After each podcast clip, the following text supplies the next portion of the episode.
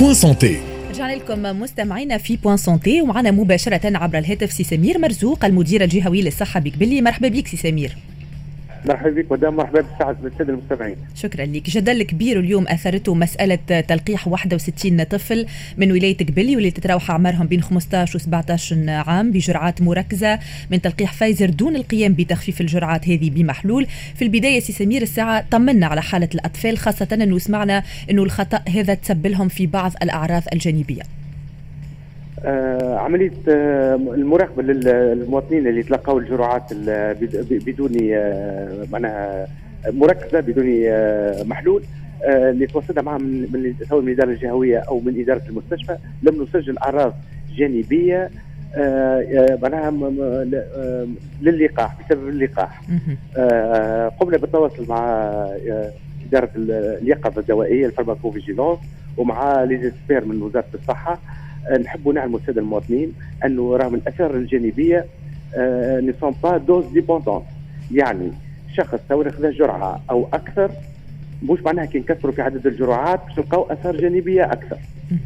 وأنها الجرعة هذيك هي la dose minimale efficace يعني الجرعة هي أقل dose اللي تعطي معناها efficacité بالنسبة للحادثه اللي وقعت حتى نأسف لها.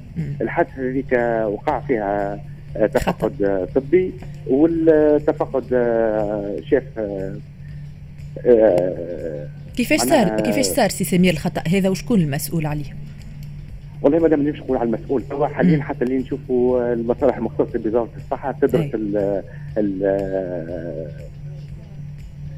البحث نتاع المتفقد وبعدين يقع تحديد المسؤولية. أي سي سمير بالنسبة للصغيرات هذوما هل باش يكتفيوا بجرعة واحدة مركزة أم باش يتم تطعيمهم في مرحلة أخرى بجرعة ثانية؟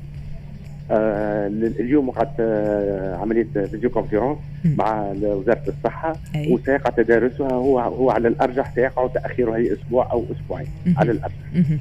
نحكي زاد سي سمير على مستجدات الوضع الصحي في ولاية قبلي، هل تم تسجيل تحسن في الوضع الوبائي في قبلي؟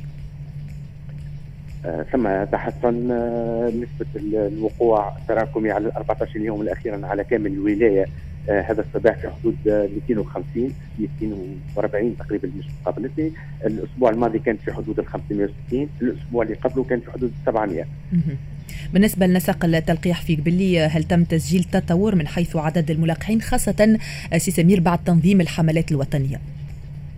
بالنسبة لولاية قبلي بالإضافة إلى الحملات الوطنية هنالك الحملة المشتركة مع الصحة العسكرية التي سيقع آه، تطعيم الجرعة الثانية خلال الأسبوع الماضي والأسبوع القادم حدود 15 ألف شخص.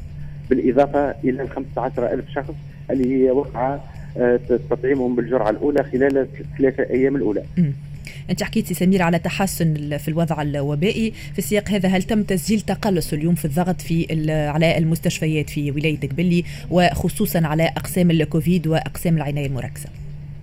بالنسبة لاقسام العنايه المركزة خمسة اسر على ستة وبالنسبة للكوفيد آه هذا الصباح 21 على 60 سرير معناها آه هناك آه يعني تقلص من حيث هناك تقلص. أي. تقلص ونسبة اشغال الأسرة انخفضت.